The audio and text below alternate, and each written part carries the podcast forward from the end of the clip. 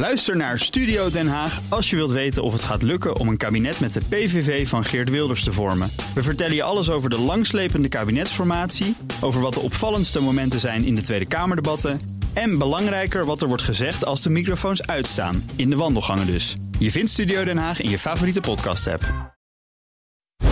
Cryptocast wordt mede mogelijk gemaakt door Bitfavo, de crypto-exchange van Nederland. BNR Nieuwsradio. Cryptocast. Herbert Blankenstein.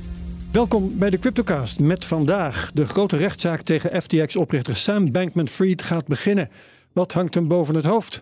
En de Amerikaanse beurswaakhond SEC heeft groen licht gegeven voor Ethereum-ETF's gebaseerd op derivaten.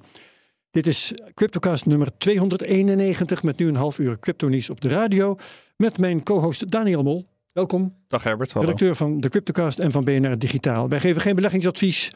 Vorm je eigen mening. Maak je eigen keuzes. Geef ons niet de schuld. Crypto kan lucratief zijn, maar is ook riskant. Nou, de rechtszaak tegen FTX-oprichter Sam Bankman-Fried start vandaag. Eindelijk. Samen met zijn zakenpartners is hij erin geslaagd om miljarden zoek te maken. Heeft hij gehandeld met klantengoeden en nog veel meer. Ja, Daniel, voor luisteraars die het verhaal niet kennen. Eind vorig jaar is dat bedrijf ingestort. Wat was daar precies allemaal mis? Nou ja, het begon allemaal met een artikel van Coindesk. Ehm, die onthulde eigenlijk dat er banden waren tussen de exchange FTX en de handelsfirma Alameda Research. En dat was, waren dus twee bedrijven die allebei van deze Sam Bankman-Fried waren. Ja. Ehm, wat was er dan het probleem? Nou, op de balans van Alameda Research stonden dus heel veel FTT-tokens. En dat was de, de token die bedacht werd en gebruikt werd op het, de FTX exchange. En nou ja, dat is natuurlijk eigenlijk al foute boel. Want du moment dat de FTX exchange dan omval, omvalt, ging, kwam Alameda ook in de problemen. Nou, eigenlijk rookte de rest van de cryptowereld direct onraad. Binance trok zijn vertrouwen eigenlijk in. En daardoor stortte eigenlijk het hele imperium binnen, binnen enkele dagen, weken stortte het in. En later bleek, nou, gat van 8 miljard dollar. En Sam Bankman-Fried en zijn collega's die zouden klantengoeden hebben gebruikt om dat gat te dichten. Ja, nou. Terwijl ze zich notabene nog hadden aangemeld om allerlei uh, andere noodlijdende cryptobedrijven over te nemen. Ja, dat was een hele rare dus periode waar, waar iedereen um, met elkaar bezig was. Maar eigenlijk bleek FTX met afstand de zwakste broeder. En dat werd een groot bloedbad. Ja, Um, nou staat hij terecht. Uh, waarvoor precies? Wat behelst de aanklacht? Het gaat nu om zeven aanklachten. En eigenlijk als we het allemaal terugbrengen, komt het neer op het bedonderen van je klanten. Uh, op ja. verschillende manieren met, met, met normaal geld, met derivaten, met effecten. Um, en hij staat ook nog terecht voor witwassen. En nou ja, als we het gewoon heel simpel stellen, hij heeft met klantengoeden uh, gaten gedicht, gehandeld, uh, de, de, eigenlijk misbruikt. En dat is natuurlijk gewoon een doodzonde. En daar staat hij dus nu voor in de rechter. En dat, dat als je zeg maar alles bij elkaar optelt, en dat is natuurlijk altijd een beetje een flauwe manier, want misschien gaat de rechter helemaal niet zo ver, dan, komt het, kom je tot meer, tot meer dan 100 jaar celstraf. Dus ja, nou, dat is, dat is spannend. Dat zal ergens tussen 0 en 100 uh, waarschijnlijk uitkomen, maar dat is niet kinderachtig. Um, wat is dit voor een gast? Want hij kwam, ik, ik noemde net al, hè, uh, hij kwam al voor dat debakel in het nieuws. Um, liefdadigheid ook, uh, donaties aan verkiezingscampagnes, allerlei sponsoring, tamelijk uitzinnig, met heel veel um, uh, BN'ers zou ik bijna zeggen, maar influencers en zo. Ja. Um, dus wat, wat is dit voor een ADHD'er? Ja, nou, het was inderdaad een heel markant figuur. Uh, ik zou hem niet per se een hè? Ja, nee, zeker, dat ook. Ja. Um, het, vooral in Amerika wordt hij echt neergezet als een beetje toch de, de posterboy van crypto. Een beetje de andere kant van crypto. Hij was vrij progressief, daar kom ik zo nog op. Maar inderdaad, hij had plannen om het grootste deel van zijn fortuin weg te geven. Uh, dat heeft hij overigens niet, niet in grote getalen volgens mij gedaan. Hij sponsorde inderdaad hele grote uh, sportstadions. Hij sponsorde het Mercedes Formule 1 team met FTX. Eigenlijk kon je overal FTX terugzien. En uh, inderdaad, hij had ook dus nauwe banden met de politiek. Hij doneerde echt miljoenen aan zowel de Democratische als later ook bleek de Republikeinse partij. Gewoon iedereen. Ja, het mooiste voorbeeld daarvan is, uh, dat bleek dus uit een interview gisteren met Michael Lewis. Dat is zijn biograaf, die ook de Big Short heeft geschreven. Ja. Uh, die vertelde, uh, ja, eh, SBF was van plan om Trump eh, te weerhouden om zeg maar voor het nieuw presidentschap te gaan. En hij wilde daar 5 miljard dollar voor betalen. Ja, dat is, dat is echt eh, een voorbeeld waar je, waar je mooi kan zien wat voor persoon dit was. Ja, misschien waren dat ook FTT-tokens. Dan Exact, ja, exact, ja, bijdrukken. inderdaad. En, eh, en inderdaad, zijn hele imperium, dat vind ik ook dan weer zo'n markant verhaal. Bestuurde die is met een paar vrienden vanaf de, een villa aan de Bahama's. En daar gebruikten ze dan eh, lekker veel drugs om wakker te blijven. En af en toe gingen ze met elkaar naar bed. Nou, het was het, zo'n verhaal, zo'n figuur, dat is echt eh, bizar. Ehm, hij was ook de, de laatste maanden, in de tijd dus eh, na het instorten van het imperium, was hij steeds in het nieuws. Hij was vrij op borgtocht, zit nou weer vast. Kun je dat samenvatten? Ja, ehm, natuurlijk weer het Amerikaanse systeem dat je na alles wat ik hier net heb verteld, op zich al apart dat hij dan vrij mag op borgtocht. Hij mocht in het huis van zijn ouders verblijven in, eh, in Ja. Californië. Huisarrest, hè? Ja, en eh, daar eh, was hij eigenlijk met een enkelband eigenlijk nog bezig om zijn rechtszaak een beetje te beïnvloeden, zijn komende rechtszaak. Dus hij lekte het dagboek van Carolyn Ellison. Dat was zijn, zijn mede-partner, de CEO van Alameda Research en zijn ex-vriendin. Ja. Eh, eh, hij lekte een dagboek aan de New York Times van haar om, om de zaak zo een beetje te beïnvloeden.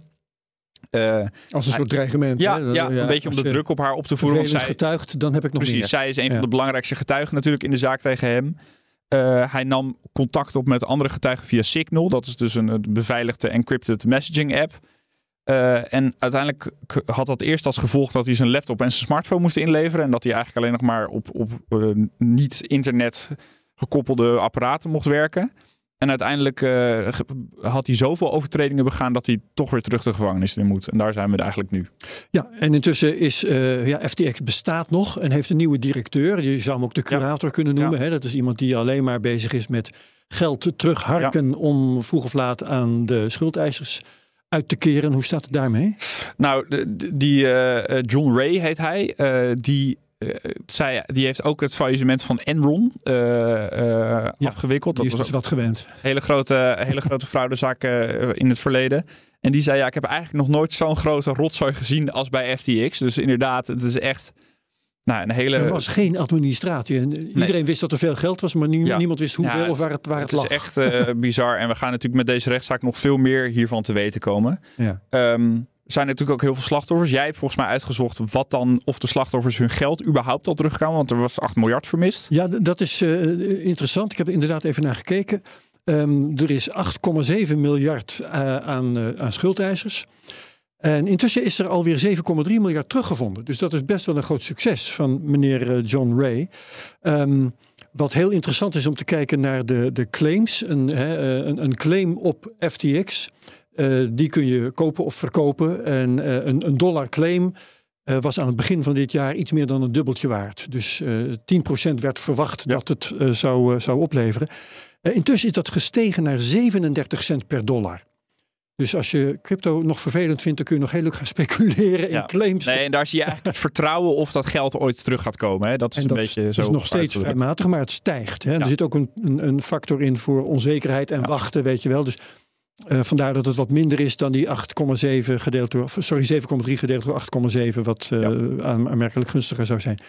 Ehm, nou, eh, intussen er zijn er wel 200 miljoen dollar aan kosten gemaakt. Ja, Dat voor de zaak. Uitzinnig bedrag Ja. natuurlijk. voor advocaten, maar ja, het levert in elk geval wel wat op. Dat kun je dan ook wel weer zeggen. En het gaat vooral nog tijd kosten. Klanten zullen geduld moeten hebben. Denk aan Mount Gox, waar, even rekenen, eh, tien jaar na dato Ja. nog steeds mensen op hun geld zitten te wachten. Nou, ehm, die zaak gaat vandaag van start. Ga ik jou weer een vraag stellen. Eh, zes weken staat daarvoor. Zou dat genoeg zijn? Ja, eh, ik vraag het me af. We gaan in ieder geval wel heel veel informatie krijgen over wat er gebeurd is, wat, wat getuigen zeggen, ehm, wat de SBF natuurlijk heeft in te brengen. Vraag me af of we eh, over zes weken een conclusie hebben. SBF heeft natuurlijk een, een leger advocaten ook ingezet. Die, bedoel, dat is ook geen jongen, die, die komt ook niet uit een eh, arm gezin of zo. Dat zijn, zijn ouders zijn bijvoorbeeld Stanford-leraren, Stanford, eh, op de Stanford Hoogleraar. Universiteit. Ja, Ja, ja, ja, ja. hoogleraren. In ethiek onder andere trouwens. Hè, Ja, moeder. ja, dat zie je absoluut terug in zijn opvoeding. Dat is geweldig. Ehm, dus ik, ik denk dat zij alles, er alles aan gaan doen om het onvermijdelijke, namelijk dat hij toch wel lang de bak in gaat, echt heel lang proberen uit te stellen. Ja. Ehm, nou, ja, en wat zeker is, is dat we gewoon de komende weken een soort eh, goede tijden, slechte tijden crypto-editie krijgen. En dat we het allemaal heel nauwgezet gaan volgen. Ja, met redelijk wat onthullingen en zo. Ja. Dus eh, dat, eh, dat kan nog entertain- entertainment opleveren. Oké, eh, gaan we naar de prijzen kijken met Bert Slachter, analist bij kennisplatform Bitcoin Alpha. Dag Bert, hoe gaat het ermee? Dag Herbert, het gaat uitstekend. Ja, want Bitcoin is in de nacht van zondag op maandag eh, opgeveerd. Heeft alweer een beetje ingeleverd, maar er kwam ruim 1000 dollar bij. Waar kwam dat door? Nou, er is geen nieuws of een specifieke gebeurtenis rond dat moment. Het gebeurde rond de opening van de markt in Azië, de eerste handelsdag van het vierde kwartaal. Dat kan er iets mee te maken hebben. Rond het slot van een kwartaal zien we wel vaker wat meer volatiliteit in financiële markten. Maar de dagen daarvoor was het ook al onrustig op de financiële markten. De rente op staatsobligaties die steeg snel, net als de koers van de dollar. En dat is beide normaal gesproken tegenwind voor Bitcoin. Daarom is het best opvallend dat Bitcoin in die omstandigheden sterk bleef. Ja. En nou ja, dan dus eergisteren ineens nog een stuk steeg. Maar, en dan is dan, dan komen we op het punt. Dus dat, dat is wel betekenis die ik eraan aan, aan hecht. Maar dan komen we op het punt van hoe groot is nou die prijsverandering geweest? Nou ja, de koers blijft nog wel ruimschoots in het prijsbereik waar we nu zes maanden, ruim zes maanden in zitten. Dus er is geen sprake van een, een uitbraak of een trend- trendbreuk of iets dergelijks. Dus wij zien het als voortzetting van de zijwaartse beweging. En pas bij acceptatie onder de 25.000 dollar of boven de 32.000 dollar, dan is het echt tijd om weer op te letten. Dan worden we wakker. Ja, maar deze stijging die eh, jij dus eh, ja, een beetje weg, wegwuift, dat kan natuurlijk, eh, kan die ook nog te maken hebben gehad met de goedkeuring van ETF's in Ether Futures, die net is doorgekomen? Ja, ja, die zijn gisteren zijn die live gegaan, dus die worden nu verhandeld. Maar ik denk niet dat de, de, de koers ehm, ja, stijgingen daarmee te maken hebben. Sterker nog, de koers van Ether die daalde zelfs best wel flink gisteren. Ja. Ehm, die goedkeuringen hebben denk ik nu, nu niet zo heel veel effect. De, inkomen van, de instroom van nieuw kapitaal in deze nieuwe ETF's is gewoon heel erg beperkt. Dat hoort ook bij het punt in de marktcyclus waar we zitten. Dat hadden we ook eigenlijk wel verwacht. Maar, maar, de, zeg maar de betekenis van deze goedgekeurde Ether ETF's, dat zijn dus ETF's op basis van Ether Futures. Ja. Dat is vooral dat ze de weg openen naar ETF's op basis van spot Ether. Dus dezelfde route als Bitcoin aflegt. Eerst futures ETF's en dan spot ETF's. De eerste aanvragen daarvoor zijn ook al ingediend. Ja. Maar die worden pas in 2024 behandeld. En nadat Bitcoin eh, de ETF's zijn behandeld. Dus ja, dat is echt iets voor de langere termijn. En dat heeft nu geen invloed op de koers. Oké. In de Bitcoin Alpha schrijf je dat we eh, in het allereerste deel van een nieuwe marktcyclus voor Bitcoin zouden zitten. Leg dat eens uit. Ja, op, op elke financiële markt wisselen periodes van voor- en tegenspoed elkaar af. Groei en krimp. Ver- Vergelijk het een beetje met zomer en winter. En de toppen en de bodems, die kennen we van de marktcyclus. Op de top zit de hype van de boelmarkt, de euforie en de gekte. En op de bodem zit de paniek van de bearmarkt. Met afkeer en boosheid. Maar die twee extremen, die wisselen elkaar niet zomaar af. Er zit een soort overgang tussen. Een lang proces van herstel naar de bodem en een lang proces van afkoelen naar de top. En naar onze analyse zitten we nu in het beginstuk van een nieuwe marktcyclus. Die loopt van bodem naar bodem. En in deze fase herstelt de markt van het extreme pessimisme wat we zagen. Nou ja, eind, eh, bijna een jaar geleden hè, met, met eh, het crashen van FTX. We hadden het er net over.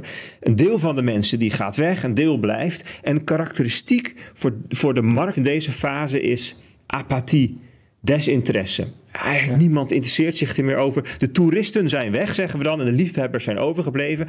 Maar, en dat is interessant, op de achtergrond wordt gebouwd aan nieuwe technologie, infrastructuur, toepassingen, diensten, regelgeving, educatie, noem maar op. In alle rust, ongestoord, onder de radar. En dat is wel aardig, dat merken we nu ook heel erg op conferenties die wij volgen. Ja, daar gebeurt ontzettend veel. Heel veel signaal, heel weinig ruis. Maar ja, het nieuws haalt het nog niet. Dat komt dan pas later. Ja, ehm, als we er dan van uitgaan dat er een nieuwe boelmarkt aankomt, eh, er zit ook altijd wat onzekerheid omheen natuurlijk. Maar wat verwacht jij dan dat daar de grote thema's zullen worden? Ja, die, die, het is heel moeilijk om die natuurlijk nu hè, daar, daar zeg maar hele stellige uitspraken over te doen. Eigenlijk weet je dat pas, hè, welk, welke thema's een boelmarkt kenmerken op het moment dat het zover is. Maar we zien wel wat contouren ontstaan. Bijvoorbeeld het gebruik, het grootschalig gebruik van real-world assets op publieke eh, blockchains. De eerste grote toepassingen zijn stablecoins, zoals crypto-dollars en crypto-euro's.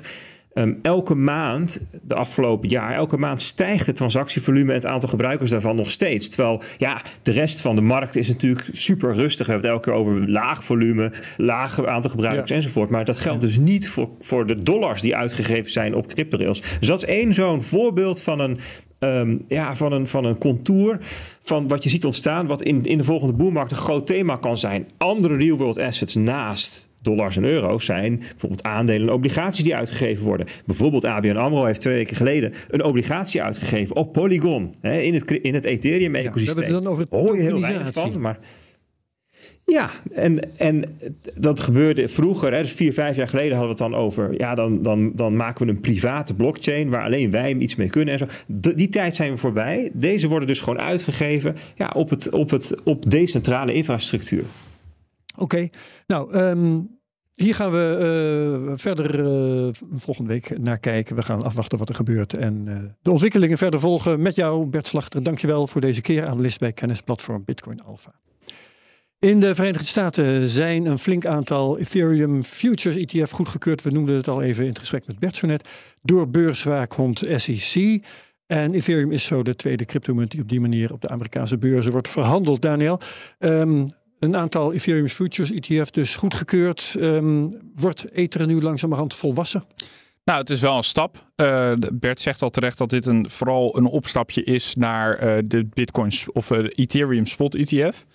Maar het zegt ook toch wel dat Ethereum toch zeg maar achter Bitcoin aankomt als, als grote asset. En als je dan ja. zou zeggen, nou wat is dan de derde cryptocurrency die dit zou moeten doen, dan zou ik dat even niet weten. Dus het is heel duidelijk dat je 1 en 2 hebt. Ja. Uh, en eigenlijk de rest daarna een beetje achterblijft. Dus de, ja, ik denk een belangrijke stap. Um, en straks krijgen we dan in 2024 misschien wel een, een Ethereum Spot ETF. En daar kan je dan nog een beetje plezier van hebben. Misschien ook met de prijs. Als ja, ja, ja. En in elk geval um, geldt voor Ethereum hetzelfde als, als voor Bitcoin. Hè. Een rechter in de Verenigde Staten heeft gezegd... die um, Bitcoin futures die volgen zo precies de prijs van de Bitcoin dat het eigenlijk niet redelijk is om zo'n Bitcoin spot ETF af te keuren. Ja, dus dat zou dan voor Ether ook moeten opgaan. Ja, maar eerst ja. moet de conclusie voor Bitcoin nog getrokken worden. Hè? Absoluut, Daar zit absoluut. Ja, dat, het gaat allemaal toch in een volgorde. En een toezichthouder is aan de ene kant voorzichtig en aan de andere kant ook een beetje sceptisch. Dat merken we ook iedere keer. Ja. Uh, dus dat, dat neemt allemaal zijn tijd. Maar het, is wel, het wordt wel in gang gezet. En Amerika is gewoon de belangrijkste markt op dit gebied. Dus het, het heeft echt de impact. Welke bedrijven hebben nu gebruik gemaakt van die deur die door de SEC is opengezet? Wie biedt nu een uh, Ethereum Futures ETF aan? Nou, dan hebben we het over Van Eck. Dat is op zich een bekende. Uh, ja. Bitwise, Valkyrie, ProShares. Het zijn allemaal bekende ETF-aanbieders. Um, het valt eigenlijk best te tegen wat er dan verhandeld is. Dat hoorden we Bert net ook al zeggen. Dat gaat echt om een paar miljoen. Uh, en waarbij Valkyrie uh, de, de meest vooruit, uh, vooruitstrevende is, of het meeste, meeste handelsvolume heeft. Ja. dat gaat overigens om een Bitcoin plus Ethereum futures ETF's. Dus daar zit ook weer een beetje Bitcoin in. in strategie. op een hoop gegooid. Ja, ja. dat is op zich allemaal complex, want het gaat natuurlijk om derivaten. Dus dat is dan een stukje makkelijker. Ja. Um, maar ja, als je het dan vergelijkt met bijvoorbeeld de lancering van de Bitcoin Futures ETF. Uh, dat was in november 2021. Dat is een compleet andere markt. Die deed meer dan 1 miljard op een dag. En dat was de succesvolste ETF-lancering ooit. Um, maar dat is dus niet te vergelijken, zeg je? Nee, nou, het is niet te vergelijken in de zin van dat we op die dag uh, dat, dat die Bitcoin Futures ETF werd gelanceerd, toen noteerden we ook de all-time high waar we nog steeds altijd uh, tegenaan, zitten uh, tegenaan zitten te kijken, inderdaad. Dus dat is inderdaad een compleet andere markt. Um, ja, en je ziet toch, ja, het is, je ziet, we zitten nu echt in het, in het diepe van de bear market. En toen, ja. toen, ja, toen dus was het allemaal, allemaal positiever. niet zoveel. Um, de SEC uh, is uh, meestal niet de vlotste, maar nu wel, want ze hebben deze goedkeuring niet uh, uitgesteld en uitgesteld en uitgesteld zoals meestal, maar juist versneld. Waarom? Ja, de begroting van de Amerikaanse overheid die dreigt niet rond te komen. En dat is iets waar, we, waar je volgens mij ieder jaar wel iets in de Nederlandse media over leest. Dat, ze weer, dat er weer een shutdown het, aankomt. Het schuldenplafond. Uh, dat heeft daar dan niet mee te maken. Dus, maar dat is wel, het hangt wel met elkaar samen. Maar dit is dan de, de jaarlijkse begroting die de Senaat uh, overeen moet komen. Oké. Okay. Um, en dan komen dus alle overheidsinstanties, dus ook de toezichthouder, maar bijvoorbeeld ook het leger, nationale park. Het komt allemaal stil te liggen. Je kan het eigenlijk niet verzinnen. Um, nou, dat dreigde dus weer. En toen heeft de SEC gedacht, ja, er komen een aantal beslissingen aan. En eigenlijk weten we wel dat we die Ethereum futures, die willen we goedkeuren. laten we dit maar gewoon naar voren halen en gewoon maar even doen. Ehm, en die shutdown die is dus nu uitgesteld met 47 dagen. Dat is ook een soort tijdelijke maatregel. Ja. Ehm, maar ze hebben inderdaad dan weer, ja, dat is dan het voordeel voor ons, dat ze, dat ze die beslissingen toch even snel naar voren hebben gehaald. Eh, de volgende stap, eh, zeg je al, moet zijn eh, de goedkeuring hopelijk dan van Bitcoin Spot ETF. Wanneer gaan we daar meer over horen?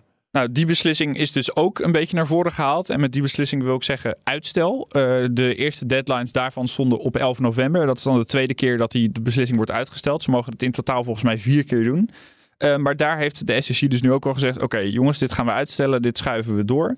Eh, dat was conform verwachting, maar er zit wel, daar maak ik een kleine opmerking bij, want de SEC heeft dus wel een aantal van die belangrijke aanvragers bij elkaar geroepen, is nu het verhaal. Ehm, en dat duidt waarschijnlijk op dat ze het toch iets serieuzer nemen dan gewoon het voor zich uitschuiven. Ja. Eh, en op Business Center CNBC, eh, dat is eigenlijk een soort BNR, maar dan op tv en in Amerika, Ja. eh, zeiden de topmannen van Bitwise en van Eck dat ze waarschijnlijk eind dit jaar zelfs of begin volgend jaar toch echt die spot ETF gaan zien. En zij hebben allebei een aanvraag lopen, dus ja. Dat Die zouden het moeten weten. Zeker. Oké, nou dan gaan we eens even kijken naar de podcast die we zo direct gaan opnemen met Martijn Wismeijer, een eh, bekende van ons. Vriend van de show. Is vriend van de show, die is eh, zeker al twee, drie keer eh, geweest inmiddels, minstens drie keer. Ehm, ja, wat gaan we met hem bespreken?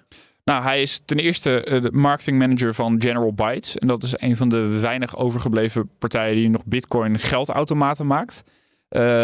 Ik zeg wel Bitcoin, maar inmiddels is het cryptocurrency geldautomaat. Want ze bieden volgens mij alles eh, wat je zo ongeveer kan bedenken, bieden ze inmiddels aan. zo niet honderden. Ja, hè? absoluut. Ja, Ehm, nou, en ik vraag me dan allereerst af, is daar eigenlijk nog vraag naar? Zit je, ja, vroeger zag je er nog wel eens eentje in Nederland bij een snackbar of zo staan. Wie gebruikt ze? Wie gebruikt ze? Waarvoor worden ze gebruikt? Eh, ja, op een vliegveld of misschien is dat, misschien is dat interessant. Dus we gaan hem sowieso vragen, hoe zit dat in elkaar? Eh, hoe loopt het nog in een bearmarkt? En waar is de vraag, zeg maar, naar die automaten? Dat vind ik heel erg leuk. En daarnaast eh, moeten we toch ook hebben. Ja, Martijn die loopt al eh, 150 jaar mee in de Bitcoin-wereld. Eh, die is echt een Bitcoiner van het eerste uur. Dus die heeft de hele geschiedenis meegekregen eigenlijk. En heeft zich ook vrij eh, fel uitgelaten over de afgelopen periode. Nou, we hadden het dus net over FTX, eh, het hele ineenstorten. Wat daarvoor zat, was dat bijvoorbeeld ook leenplatforms, zoals een Celsius, BlockFi. zoals een BlockFi, eh instorten. En die be- beloofden eigenlijk heel hoge rentes op je, op je bitcoin. Dus je kon bitcoin eigenlijk ja, daar als een soort bank eh, instoppen. En dan kreeg je rente terug.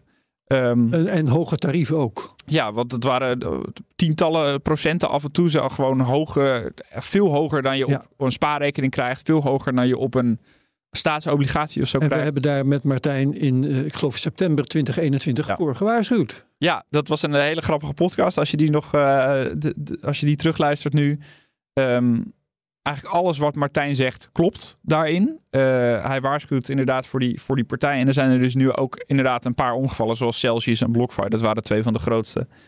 Maar dat vind ik, dat vind ik grappig. En we gaan daar dus even op terugblikken hoe die markt tot zijn eind is gekomen. En er zijn, wat dus ook opvallend is, er zijn nog partijen die dat nu nog steeds aan het Precies, doen die zijn. markt is niet tot een eind gekomen. Nou, niet helemaal spannend. tot een eind gekomen. Maar ja, ik vraag me dus af. Er zijn nog partijen, eh, bijvoorbeeld Nexo noem ik er een. Ja, ja. ehm, die beloven nog steeds vrij idiote rente. 15% op Polkadot, als ik me niet Ja, vergis. nou ja, ja ik, eh, ik ga nu al mijn Polkadot gelijk daar, eh, daar erin stoppen. Nee, dat is opvallend en dat, daar gaan we het over hebben in de, in de Ja. podcast. Goed zo, nou dat eh, kan interessant worden. Tot zover deze Cryptocast op BNR op de radio. Bedankt Daniel Mol. Ehm, en wie meegaat naar die podcast, heel erg graag. Zo niet, dan is dat jammer, vooral voor jezelf, maar ook prima. Ga- graag dan tot de volgende week bij de Cryptocast op BNR. Dag. Cryptocast wordt mede mogelijk gemaakt door Bitfavo, de crypto-exchange van Nederland.